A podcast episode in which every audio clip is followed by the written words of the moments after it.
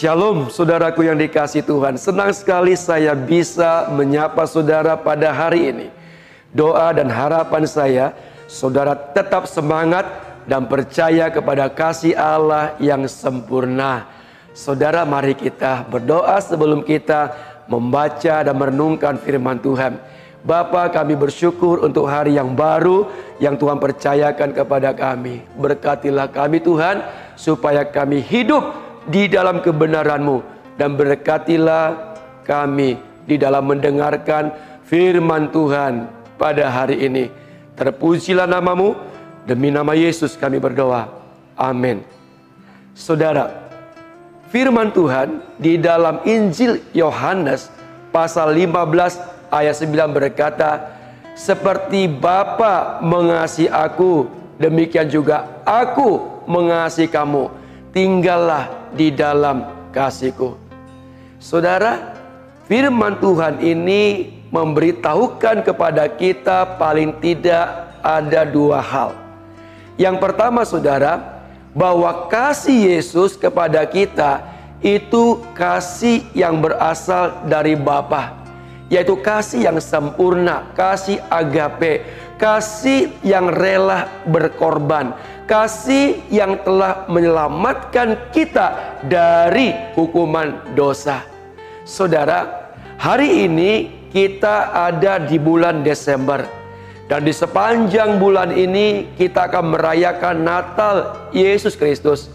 Saudaraku yang dikasih Tuhan sesungguhnya perayaan itu adalah perayaan akan kasih Allah yang begitu besar kepada kita Allah yang telah menjadi manusia, Allah yang telah rela berkorban untuk kita mati di atas kayu salib supaya kita beroleh kehidupan.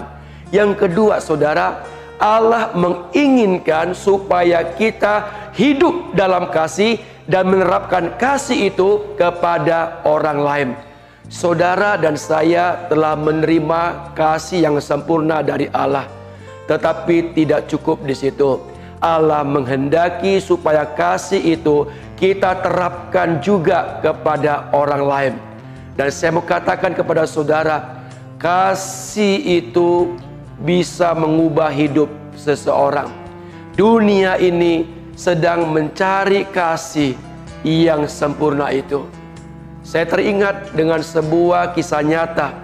Ada seorang anak kecil enam tahun satu hari dia pulang dari sekolah, dia pulang ke rumahnya dengan hati yang gembira, dengan hati yang penuh sukacita. Lalu kemudian dia memberikan sebuah surat dalam amplop yang dititipkan gurunya untuk ibunya. Waktu ibunya membuka surat itu saudara, dia sangat sedih, dia menangis. Kenapa? Karena isi surat itu menyatakan bahwa Gurunya mengembalikan anak itu kepada orang tua karena anak itu bodoh dan tidak bisa belajar. Ibu ini sangat mengasihi anak itu. Dia peluk anak itu dan dia berkata, "Besok kamu tidak usah ke sekolah lagi. Nanti ibu yang akan langsung mengajar kamu."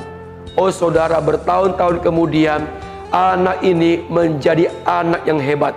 Dia menemukan penemuan-penemuan yang luar biasa di antaranya dia menemukan bola lampu, dia menemukan mikrofon yang sampai hari ini kita gunakan saudara. Siapa anak itu? Anak itu adalah Thomas Alva Edison. Dia bisa berhasil karena ibunya mengasihinya, karena ibunya mengasihi dia dengan kasih yang sempurna dari Allah. Demikian saudara, Allah memanggil kita untuk kita tidak hanya mengasihi Allah dan menikmati kasih Allah, tapi Allah memanggil kita untuk menyebarluaskan kasih Allah kepada banyak orang sehingga mereka mengenal Allah dan mereka mengikut Allah, mereka memuliakan Allah, mereka pun mendapatkan kasih karunia dari kasih Allah. Tetap semangat sudah dikasih Tuhan. Tuhan memberkati saudara, jangan takut karena Allah mengasihimu Allah tidak pernah meninggalkanmu. Terpujilah nama Tuhan. Haleluya. Amin.